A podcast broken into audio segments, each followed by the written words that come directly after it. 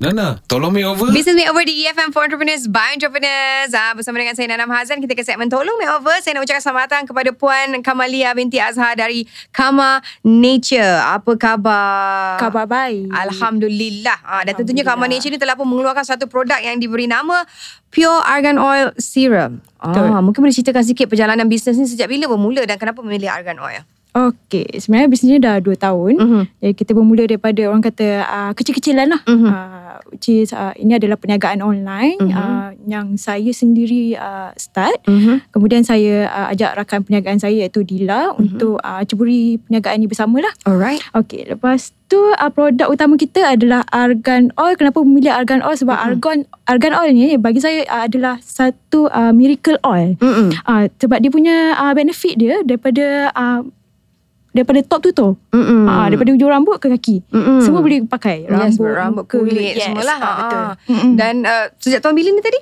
Ah, dah 2 tahun dah. Ah, dua tahun Ah, maksudnya ah.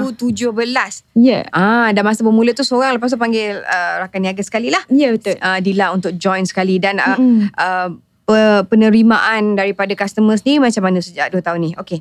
Okey, tak ada masalah. Mm. Ah, cuma kalau macam ah, mana-mana pengguna yang masih lagi baru, Mhm. yang diorang sendiri tak tahu apa tu argan oil, ah, Mm-mm. jadi saya memerlukan masa sedikit untuk nak terangkan apa dia. Right. Ah. Ah. Dan tapi Mm. bila diorang dah cuba dah tahu keberkesanannya, benefit apa yang ada di Yeah. Argan Oil tu sendiri, Mm-mm. diorang akan terus sangkut. Ah sebab kita pun Betul. tahu sendiri Argan Oil ni memang banyak uh, kelebihan dia daripada minyak-minyak yang lain dan uh, Argan Oil ni sendiri uh, sangat uh, penting ah kalau kita tengok dekat mana-mana produk kalau kita tengok di, untuk kulit ke untuk rambut especially Argan Oil adalah uh, orang kata benda utama yang diletak dalam bahan-bahan tersebut. What makes yours is different?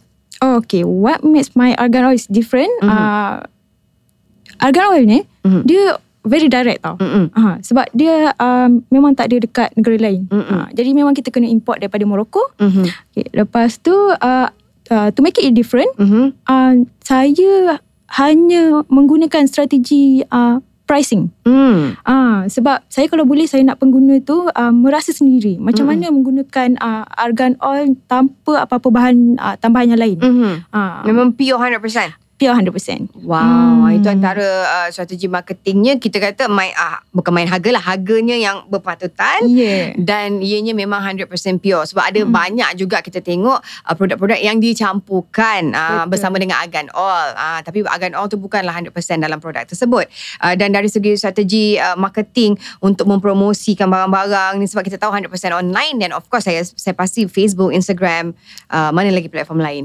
Okay, mana lagi platform lain, uh, saya menggunakan Hikmat Agent lah. Mhm. Ha, semestinya kan. Hmm. Ha, sebab uh, agent ni senang. Kadang-kadang dijual dekat kawan-kawan dia. Jadi dia boleh terangkan. Mm-mm. Apa itu uh, produk ni macam mana dia pakai kan. Mm-mm. Apa dia punya benefit dia. Ha. Right dan setakat ni dah berapa orang agent yang uh, kamu ada? Okay, kalau macam uh, tahun lepas, Mhm. saya ada 10. Mm-hmm. Uh, tahun ni uh, jumlah tu masih sama. Mm-hmm. Ha, sebab saya dalam proses orang kata um, develop lah Mhm. uh, perniagaan saya kan. Uh, uh, saya tak boleh nak orang kata uh, ramai-ramai ejen dalam masa yang Mhm. serentak. Uh, sebab kalau ramai-ramai uh, saya juga nak kena mesej diorang, nak kena layan diorang betul, kan. Betul, Ah. ah. Jadi uh, untuk uh, setakat ini 10 orang agent tu sudah pun mencukupi dengan production yang ada. Iya. betul. Ah, okey Ah. baik kita akan tahu juga lepas ni apa agaknya cabaran yang dilalui oleh Kama sendiri dalam membina branding uh, untuk argan oil beliau dan apa agaknya masalah-masalah yang lazim lah agaknya. eh. So actually is it serum or is it oil? Okay. Kalau serum base dia macam a bit light sikit kan? Ah. Betul. Okey, uh, dia adalah sebenarnya oil. Mm-mm. Okey, tapi saya letakkan nama serum tu Mm-mm. sebab kalau tanpa serum Mhm. kan orang akan rasa macam was-was. Mm-mm. Ha, kenapa apa ni oil ni bagus untuk muka? Mm-mm. Kan ah, kadang-kadang apa yang diorang bayangkan seumpamanya Mm-mm. macam minyak masak tu letak atas muka. Mm-mm. Ah. Sebab oil betul gitu Macam olive Yes. oil gitu katanya Yes, ah. likat macam tu. Right, Ah, tapi okay. Sebenarnya Mhm. minyak dia adalah light saja. mm. Ah, jadi dia boleh yang kata dikategorikan sebagai serum. mm. Tapi kalau nak lebih mendalam lagi sebenarnya serum tu maksudnya memang uh, orang kata bagus lah untuk muka. Jadi tak Mm-mm. kisahlah orang kata bahan tu adalah serum ataupun pure. Uh, Mm. kita boleh letak perkataan serum ke tak sebenarnya memang boleh. Hmm. Ah. Okay dan uh, one thing about argan oil ni dia easy absorbent as well kan senang nak Betul. nak menyerap gitu. Ah okay dan mungkin apa antara masalah ataupun cabaran yang sering dihadapi? Okey, masalahnya adalah uh, awareness pengguna kita dan Mhm. dan, dan juga masyarakat kita Mhm. sekarang ni uh, especially dekat Malaysia Mhm. uh, terhadap produk semula jadi. Hmm. Ah, saya uh, tekankan uh, benda ni sebabnya kalau macam kita tengok dekat negara luar Mhm. uh, rata-rata diorang memang diorang kata uh, go for the orang kata um, natural product, natural product. organic. Yes, organik kan. Uh, lepas tu kalau macam dekat uh, tempat kita ni pula Mhm. uh, kesedaran tu ada cuma dia uh, orang kata uh, slowly crawling. Mhm. Ah, Jadi ah. belum meluas lagi lah Yeah. penerimaan. Uh, kalau kata Allah natural ni uh, macam orang lebih suka kalau benda tu uh, clinically clinically uh, formulated gitu kan. Maksudnya maksudnya orang ada saintis yang buat yang ada Betul. campuran dengan mungkin uh, bahan-bahan uh, yang dicampur lah. Ha, sebab kalau kita Mm-mm. tahu argan oil ni memang 100% and it's pure and it's organically and it's natural susah. Wah, belum lagi orang kata fahaman orang kat Malaysia ni. Belum sampai lagi tahap itulah. Jadi Hmm, tugas betul. awak lah Kamal sebenarnya untuk educate semua orang. Ya, yeah, betul. Ah, jadi itu Ah. antara cabaran terbesar eh. Yes. Untuk untuk me- mem- memberitahu orang bahawa kenapa bagus untuk kita guna barang-barang natural ni. Hmm. Ah, antara masalah-masalah lain. Okay, antara masalah-masalah lain, Mhm. okay, macam kalau uh, dalam perniagaan ni biasalah. Uh, Mhm. uh, cabaran untuk nak uh, konsistenkan kita punya perniagaan setiap Mhm, hari, mhm. cabaran untuk nak uh, orang kata uh, melayan pelanggan dan juga pengguna kita Mhm, kan, uh, cabaran uh, untuk mendapatkan uh, modal. Tapi Mhm. alhamdulillah sekarang ni modal saya tu uh, ada, uh, cuma saya memerlukan uh, apa ni uh, development proses yang uh, sangat orang kata kalau boleh uh, kukuh lah Mhm. Ah, supaya benda tu boleh run ah, tanpa orang kata ah, banyak hiccup. Mm-mm. Ah, macam sebab tu. sekarang ni memang uh, permulaan perniagaan ni memang di, dimulakan modalnya daripada Kamal sendiri atau macam mana? Ya, Sendirilah daripada- maksudnya ada ada pembiayaan mana-mana agensi ke? Ah, ada. Aha. Aha, ada. Ah, saya mendapat pembiayaan daripada ah, Mara. Mhm. Okay. Ah, and then ah, pembayaran tu tak ada masalah lah. Mhm. Ah, ah, dan Berapa amount tu dengan Mara tu? Okay, yang tu adalah ah, RM10,000. Mhm. Ah, ah, RM10,000. Ah, dah lama juga. Yang tu Mhm. waktu awal-awal saya nak mula dulu Mhm. ah, sebab saya nak kena beli ah, inventory, Mhm. lepas tu nak beli ah, macam-macam barang. Mhm. Ah, kan walaupun orang kata perniagaan tu kecil Mm-mm. kan kalau macam orang yang tak biasa dengan perniagaan ni dia akan tengok apa sangat barang nak beli ni ah, betul. tapi sebenarnya ada sahaja barang nak kena beli Yes dan Ha-ha. uh, alhamdulillah tak ada masalah dalam pembayaran balik insyaallah insyaallah boleh uh, buat pinjaman lain. Kalau lah diberi peluang apa jenis bantuan makeover yang diperlukan.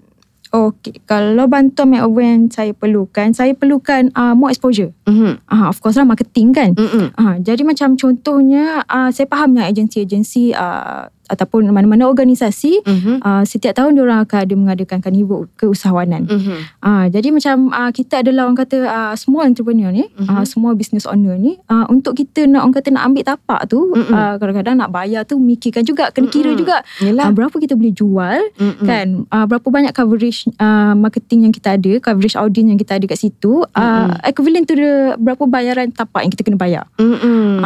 Ah, kalau macam untuk ah, orang kata big business owner kan mungkin tak ada masalah bagi dia. Ah, ataupun dia punya produk dia tu orang kata mahal ke apa, Mm-mm. ah, jual berapa sekian-sekian jumlah dah cukup nak cover tapak. Right. Ah. Jadi kiranya macam Kamal macam uh, kena buat banyak juga kira-kira lah eh sebelum nak beli tapak dan sebagainya. Ya, ah. sebab macam saya uh, share dengan Nana tadi, uh, which is um, awareness terhadap produk semula jadi. Ah, Mm-mm. jadi kita memerlukan lebih banyak engagement dengan uh, orang luar, dengan masyarakat kita kan. Ah, kenapa baiknya pakai ni? Kenapa bagusnya produk ini? Okey, ah. kalau kalau untuk Kamas ni ada ada uh, platform online of course Instagram Of Facebook, course, ada berkongsi di situ juga. ada, of Ada course. mengguna apa-apa influencer KOL untuk orang kata lebih uh, mendapat reach untuk uh, pelanggan-pelanggan atau potential client atau potential customer. Ada? Belum? Okey. Okay, uh, sebelum ni uh, saya ada menggunakan uh, himat-himat uh, makeup artist lah. Mhm. Kan, uh, tahu short termnya senang muar lah kan. Mm, mm, Uh, jadi uh, saya uh, orang kata boleh kata uh, selang uh, beberapa minggu macam tu saya akan pilih uh, beberapa muar yang uh, melalui kenalan lah Mhm. uh, untuk promotekan produk ni. Mhm. Uh, kalau macam uh, tadi Nana bagi tahu kata uh, menggunakan uh, influencer Mm-mm. uh, ada juga uh, tapi uh, Tak saya ada keberkesanan ke uh, di situ? Iya, ah Hmm. yes, ah sebab ah contohnya Mhm. kan kalau saya menggunakan mana-mana influencer, ah influencer tu lebih ah, kepada ah, produk kosmetik katakan, bukan skincare. Mhm. Ah kan. Jadi bila ah, dia ah, post saya punya iklan kan. Mhm. So nampak dekat situ uh, seketul botol dekat situ je. Macam orang pun macam ah okey tak uh, skip je lah. Ah macam tu. Hmm, hmm. Ah. Jadi mungkin uh, direction yang diberikan tu mungkin tidak berapa jelas. Ah kata uh, Yes. tunjukkan step by step ke whatever. I mean talk about the product more lah. Tapi tak apa Betul. kita boleh belajar bab-bab tu Yes. uh, macam mana sebenarnya untuk mendapatkan orang kata lebih uh, engagement daripada posting daripada KOL dan sebagainya. Okey. Dan jadi bantuan makeover yang diperlukan adalah Um, apa tu sebenarnya? Tapi tadi cakap nak masuk Ah. uh, uh, keusahanan punya tapak-tapak tu kan. Aha. Uh, sebenarnya apa? Adakah perlukan kewangan ataupun perlukan dari segi marketing? exposure uh, offline. Mhm. Ah exposure uh, di tapak-tapak booth. Oh, okay. Ah, Alright. ah, ah, bantuan tu lah yang saya memerlukan sebenarnya. Ah, ah. Maksudnya Of course kalau- lah, ah, apa ni Nana boleh kata, Mhm. sorry. Nana boleh kata ah, adalah modal kan. Mhm. Ah, ah, saya boleh cakap juga. Mhm. Ah, ah, tapi saya mau lebih kepada macam Peluang untuk masuk ke Ya. tapak ni mungkin dengan harga yang lebih reasonable lah. Ya, untuk betul. sawan-sawan kecil kan. Ah, ya. Right. Hmm. Okay. Kalau lah kata pendengar ni kata macam mungkin minat nak cuba kan oil. Mungkin dia tengah mencari tapi tak tahu mana satu yang sesuai dan sebagainya. Kat mana sebenarnya dia orang boleh uh, cari uh, produk Argan Oil Serum ni? Okay, uh, diorang just boleh pergi ke saya punya page Instagram Mhm. mm-hmm. kama.nature Mhm. uh, which is ejaan dia adalah Q-A-M-A dot N-A-T-U-R-E Mm-hmm. hmm, Dekat situ je dah ada nombor telefon untuk uh, WhatsApp uh, saya punya partner lah Mm-hmm. Ah. Dan uh, nak beli pun semua dekat situ lah. Maksudnya Ya. WhatsApp lah. Ya, yeah. Ah, tak ada platform macam Shopee ke website belum lagi. sebelum ni saya ada buat Aha. Ah, Lepas tu tak ah, jadi. Tapi orang more kepada uh, dia suka juga WhatsApp Ah, uh, sebab dia nak tanya lebih pasal produk ni Faham? Ah, ah. Alright. Tapi mungkin boleh teruskan jugalah. Ada ada cabang lah untuk Ya, kita betul. menjualkan. Thank you so much. Nak Ah. cakap kepada Kamalia kerana sudi datang hari ini dan berkongsi uh, pengalaman perjalanan uh, perniagaannya. InsyaAllah kita doakan uh, semoga bisnesnya akan lebih besar. Terima InsyaAllah. kasih banyak. Alright. Try, Test share. Business Makeover di EFM for Entrepreneurs by Entrepreneurs. Okay, di segmen Cuba Try Test Share memang antara segmen yang dinanti-nantikan ramai orang. Sebab apa? Sebab dekat sini lah kita mendapatkan informasi-informasi yang hebat ah, bersama dengan ah, tetamu-tetamu kita lah. Dan berada di talian sekarang. Ah, apa khabar Encik Mak Faizal, pegawai Mara kita ni? Alright, khabar baik. Apa khabar semua? Alhamdulillah sihat hendaknya. Okey, tadi kan Cik Faisal kita telah pun menemui seorang usahawan uh, nama dia Kamalia daripada Kamal Nature yang uh, menjual produk argan oil. Ah ini dia kata ambil daripada Morocco ni. Ah, Oh, bawa masuk kat okey. sini dan of course lah kan memerlukan uh, bantuan kewangan untuk ada nak masuk tapak niaga. Ha, sebab dia kata kalau dia nak nak besarkan dia punya business, dia nak ada brand awareness, dia kena banyak join macam uh, macam booth kan, macam carnival. Tapi dia kata kalau booth carnival ni selalu uh, charge dia mahal. Dia kata untuk usahawan kecil Hmm. macam dia ni macam agak be- membebankan sedikit lah. Ha, kalau macam Oh. Mara memberi pembayaran tu atau ada juga sebenarnya cabang lain yang ada bazar-bazar Hmm. ataupun carnival yang boleh di di di join. Ada, ada. Ha, ha. Ini Puan Kamalia lah kiranya kan? Ah ah. Puan Kamalia. Alright. Okay, first kali kalau untuk event booth-booth apa semua ni, Mhm. Mara ada menyediakan satu kemudahan geran nama dia. Ah. Untuk uh, strategi pemasaran lah di bawah skop Mhm. base ni peningkatan pembangunan prosedur syarikat tapi ada satu tu dia punya apa tu skop kecil dia Mhm. untuk strategi pemasaran orang tu maksudnya orang nak join lah booth-booth ni kan Mm. Ah, jadi join booth ke join event ke apa ke apa semua tu mungkin tidaklah banyak event tu let's say lah sekali join event dia memerlukan lebih kurang dalam penyertaan dalam 5000 contohnya Mm-mm. kan jadi Mara boleh sponsor mungkin dalam 4000 80% daripada tu Mara Oh. akan sumbangkan sebagai grant direct kita bayar kepada yang event organizer tadi tu Oh. Ah. Ah, tapi kena minta awal lah Bukanlah kata orang tu baru sebulan Dua minggu lagi ke nak jalan tu ah, Kadang-kadang kan event organizer ni Ada dia dah plan dah untuk next year kan Mungkin Betul. Jun tahun depan dia dah buat.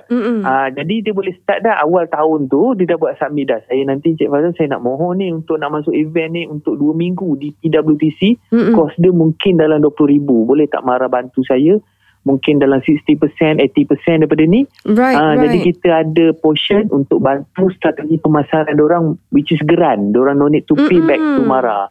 Eh, Ah, this is very good. Uh, saya rasa ni antara uh, first time saya dengar Mara ada uh, apa ni orang kata macam ni lah punya punya peluang untuk bantu usahawan-usahawan untuk Ah, mendapat ada. tapak berniaga tu sendiri eh. Ah, ah. Cuma bajet kita limited lah macam Mhm. saya cerita tu sebab ini bergeran dia one off jadi Mhm. bajet dia limited mungkin satu daerah mungkin dia bagi dalam uh, contoh je lah ni eh Mhm. 100k ah, jadi Mhm. kalau lah uh, 5 usahawan submit 20k uh, 5 je lah dapat kan 100 dah habis dah Right. Uh-uh. Ah. Okay. Kalau nak tahu uh, macam katalah usahawan nak memohon uh, ma- macam mana uh, dekat mana dia nak buka booth tu? Dia kena apply macam mana? Ah. Ada kita ada borang kita, borang dia untuk dapatkan geran kemudahan bagian pembangunan usahawan ni di bawah tu lah base saya cakap tadi tu. Mhm. Hmm, nama dia BAS itu untuk peningkatan uh, peningkatan syarikat punya apa-apa sajalah. Mhm, Ya. Ah yang saya cakap rebranding ke apa semua tu ah, di bawah Ada yang ini jugalah benda yang Ah, sama. Boleh. Maksudnya dia Hmm. macam one off lah. Ah, geran One off lah. One off je. Okay Ah. faham. Jadi kalau lah kata in the whole year, kadang-kadang kita dah dah tahu okay, sepanjang tahun ni kita ada 6 booth ataupun 6 Hmm. carnival yang kita nak join. Jadi kalau kita nak minta untuk 6-6 tu boleh ke ataupun memang untuk satu uh, pembiayaan atau satu geran tu untuk satu tempat saja? Uh, dia kita kira uh, by satu tempat satu event satu. Okay. Hmm. Uh, satu event satu. Uh, kalau andai kata kalau enam tu dia nak masuk serentak tu uh, tidaklah boleh. Bukan Tapi bukan bukan mungkin- serentak maksudnya uh, Ah. bulan 2, bulan 6, bulan 8 dia dah ada dah kan dia nak lock benda tu semua. Ah, Ah. andai kata Hmm. satu saja event organizer yang arrangekan semua tu Mhm. ada boleh mohon. Ah. Ah, bukanlah ini kejap ini AA Bazar, kejap yang ini yang uh, uh, apa ni? Star uh, kata. Fashion Ballet Ah, pula ah. lah apa Mm, ah, mm, lain-lain. mm. Ah, itu tak boleh lah different. Mm. Ah, jadi kalau satu dia mungkin boleh rancang dah. Mungkin bulan tiga saya nak lock ni saya nak mohon ni untuk bulan tiga, bulan lima, bulan enam di bawah uh, this event, organizer. Boleh tak marah bantu saya daripada pemasaran untuk saya masuk booth ni? Hmm. Ah begitu. Baik, Hmm. uh, very interesting. Bagus juga sebenarnya kadang-kadang usahawan kita ni mem- mem- memanglah uh, masih ma- Hmm. baru kan memerlukan banyak modal untuk buat Hmm. uh, benda lain kan nak beli stok dan sebagainya. Tapi dengan join booth ni memang memerlukan banyak duit. Kadang-kadang booth ni kos dia mahal. Betul, betul. Macam kita Ah. jadi usahawan yang buka booth tu je. I mean yang buka tempat tu sebenarnya jadi jadi Ah, vendor ah, je. Uh, macam mana sebenarnya Mara boleh membantu usahawan-usahawan ni? Macam tadi kita telah pun berkongsi uh, Cik Faizal dah sebut mengenai geran yang memberikan uh, peluang kepada usahawan untuk membuka booth ataupun apa-apa sajalah uh, dari segi uh, untuk meningkatkan lagi prestasi uh, marketingnya dan sebagainya. Untuk buka booth boleh bayar sehingga uh, 80% ah, nilai Ah. geran tersebut ah, untuk Ah, sewaan tersebut. Depend lah berapa dia mohon tu berapa kita pertimbangkan. Ah, Okey. mungkin sajalah. Mungkin 80, mungkin 70 ha, macam tu Mm-mm. lah. The max is Hmm. 80 lah. Ah, Okey. Alright. Okey dan dan dan bila kita cakap pasal ada geran mesti juga ada pembiayaan yang bayar ansuran. Uh, mungkin uh, Mm-mm. Encik Fazal boleh ceritakan dengan lebih uh, sikit macam mana sebenarnya usahawan ni kalau lah kata dia dah pernah minta geran before dan dia nak minta pembiayaan pula. Uh, boleh ke Boleh, boleh. ataupun macam eh kau ni dah minta minta lagi ni. Ah. Hmm, kalau untuk kes yang Puan Kamalia tadi tu memang semestinya Mara ni ada satu skim khas untuk dana nita wa- Mm-mm. which is wanita saja. Maksudnya dia enterprise dia buka seorang diri bisnes dia dah jalan lebih 6 bulan ke apa ke memang berniaga online je. Online kedai dia bakat rumah apa semua dalam Mm-mm. bilik dia itulah segala stok dia. Dia boleh layak dah minta kita sehingga RM50,000 Ui. tanpa ada premis. Mm-mm. Ha, jadi 50k ni nama dia skim dana nita.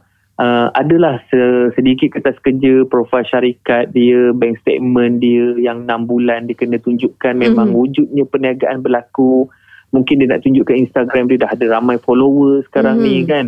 Uh, jadi dia boleh mohon dah RM50,000 untuk di bawah skim pembiayaan tadi tu Mm-mm. untuk support bisnes dia lagi. Okay, Hmm. let's say lah kata bisnes kita tak cakap lah pasal kawan nature ni kan an- bisnes-bisnes lain mungkin ada yang tengah mendengar ni katalah dia punya uh, tak strong lagi dari segi follower kan masih lagi Mhm. memerlukan banyak bantuan uh, macam mana nak marketkan lagi masih boleh diconsider ke macam mana sebab bukan nanti kalau kita tengok Instagram dia pula eh dia ni tak aktif Mhm. macam tak ada orang nak beli je because orang tak tahu lagi kan ha. Ah, ah, walaupun begitu kalau uh, bisnes yang dia bawa tu memang in trend, uh, kata orang tu memang viable, memang ada potensi, kita boleh pertimbangkan juga untuk Hmm, permohonan loan ni. ya. Bukanlah kata kita strict sangat. Kadang-kadang tu mungkin dia baru uh, set up one off cabang bisnes. Sebelum Mm-mm. ni dia ada buat buat macam-macam. Right. Tapi kali ni dia betul-betul sekarang ni mungkin tengah ni uh, in sangat pasal bubble tea make uh, dia nak Mm-mm. buka satu cafe ke apa ke.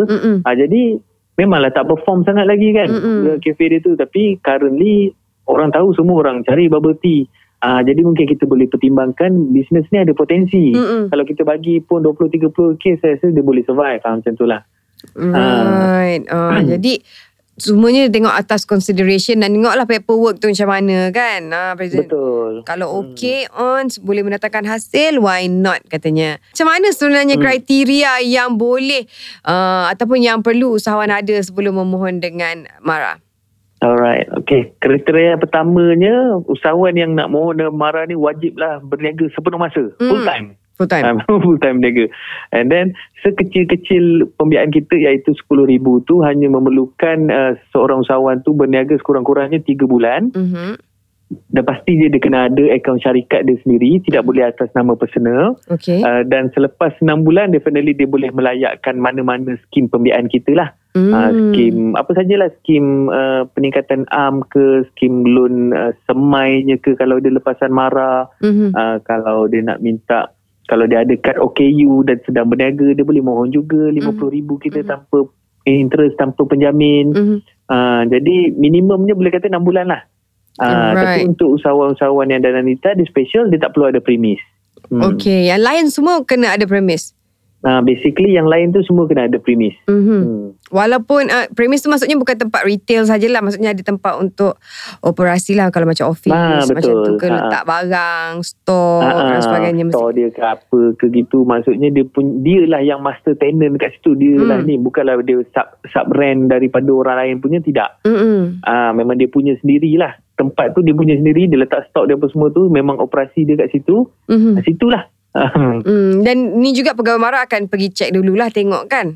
Betul betul Mm-hmm. Hmm. Baik, ah itu antara kriteria yang perlu ada untuk usahawan-usahawan ni macam mana untuk mendapatkan bantuan daripada MARA. Sebelum submit kena make sure all these criteria di, dipenuhi. Ah ciri-ciri ni Hmm. dipenuhi, uh, insya-Allah dapatlah kita membuat uh, pembiayaan ataupun mungkin dapat grant istimewa bers- uh, di MARA. Okey, kalau anda seorang usahawan yang ingin uh, memastikan perjalanan bisnes kita lebih berkembang maju, ah macam Mm-mm. uh, Kamal Nature ni Puan uh, Kamalia ni tadi dia jual argan oil dia nak minta tolong ada tapak memang Mara Hmm. kata memang boleh ha, ada geran untuk itu sebenarnya tak payah bayar balik untuk kita Hmm. buka tapak uh, berniaga tak Betul. kisahlah carnival dan atau sebagainya okey lah kalau lah Hmm. kata usahawan-usahawan lain ada uh, soalan lain nak tanya kepada pihak Mara sendiri kat mana sebenarnya dia orang boleh buat hmm pertamanya memang uh, sekarang ni semua pun dah di hujung jari check out kita punya website lah www.mara.gov.my mm-hmm. Uh, dan rajin-rajinkan juga pergi ke Facebook Mara Wilayah Persekutuan, Mara Wilayah Mara Perlis, Mara Kedah, Mara Hmm. tu dia ada page masing-masing Mm-hmm. dan juga page Pusma, Pusat Usahawan Mara, Pusma. Dia Mhm. setiap negeri pun ada.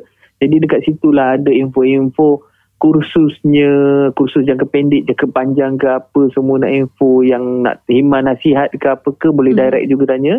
Dan juga kita ada lebih 117 pejabat mara daerah seluruh Malaysia. wow Uh, jadi uh, boleh minta direct nombor pegawai itu sendiri. Diorang memang ada nombor official masing-masing kan.